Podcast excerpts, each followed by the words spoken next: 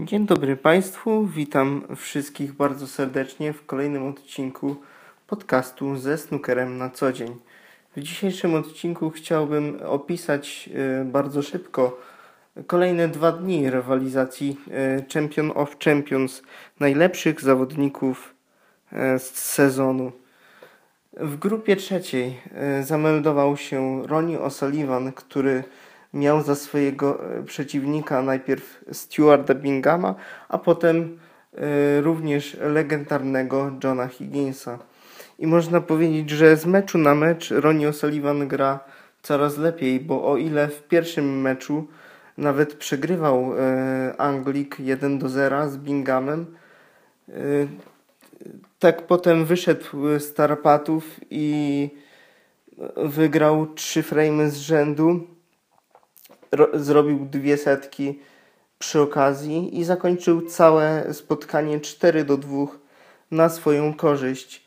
W meczu z Higginsem, z kolegą, yy, z którym rozpoczynał równo swoją karierę, Ronnie O'Sullivan, zaprezentował się y, dużo lepiej. Zrobił w tym meczu y, kolejne cztery setki i o ile można powiedzieć, że do y, stanu 3 do 2 dla y, Johna Higginsa ten mecz był wyrównany i naprawdę Higgins starał się dotrzymać y, tempa Roniemu Oslivanowi. No nie grał źle Szkot, tym bardziej, że zrobił w tych trzech frame'ach breaki 91, y, 70 i 83, co świadczy o tym, że Szkot był bardzo dobrze przygotowany, ale Ronnie O'Sullivan odskoczył mu jeszcze w lepszym stylu od momentu remisu 3 do 3 wygrał e, kolejne partie. E, zrobił w tym meczu trzy setki, jak już powiedziałem, i e, awansował do półfinału, w którym zmierzy się z Seanem Murphym.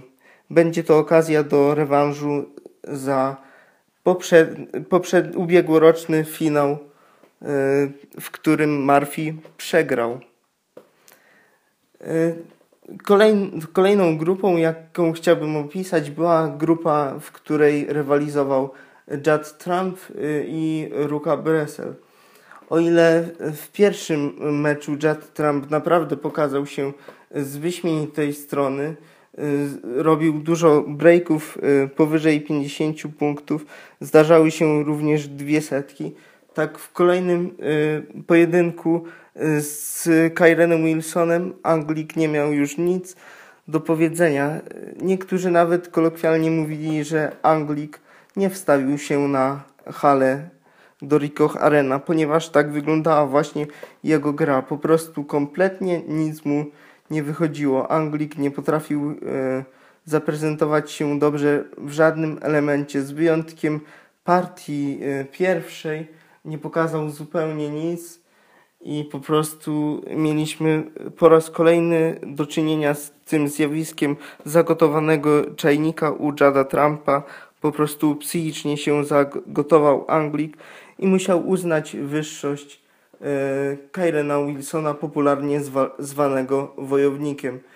W dzisiejszym e, dniu będziemy mogli emocjonować się grupą czwartą, nazwaną przez ekspertów grupą śmierci, ponieważ Dzisiaj do gry wchodzą tacy zawodnicy jak Mark Selby, Neil Robertson, a także Mark Allen. Y, już teraz serdecznie zapraszam na te mecze, a tymczasem dziękuję za uwagę. Snookerowe News.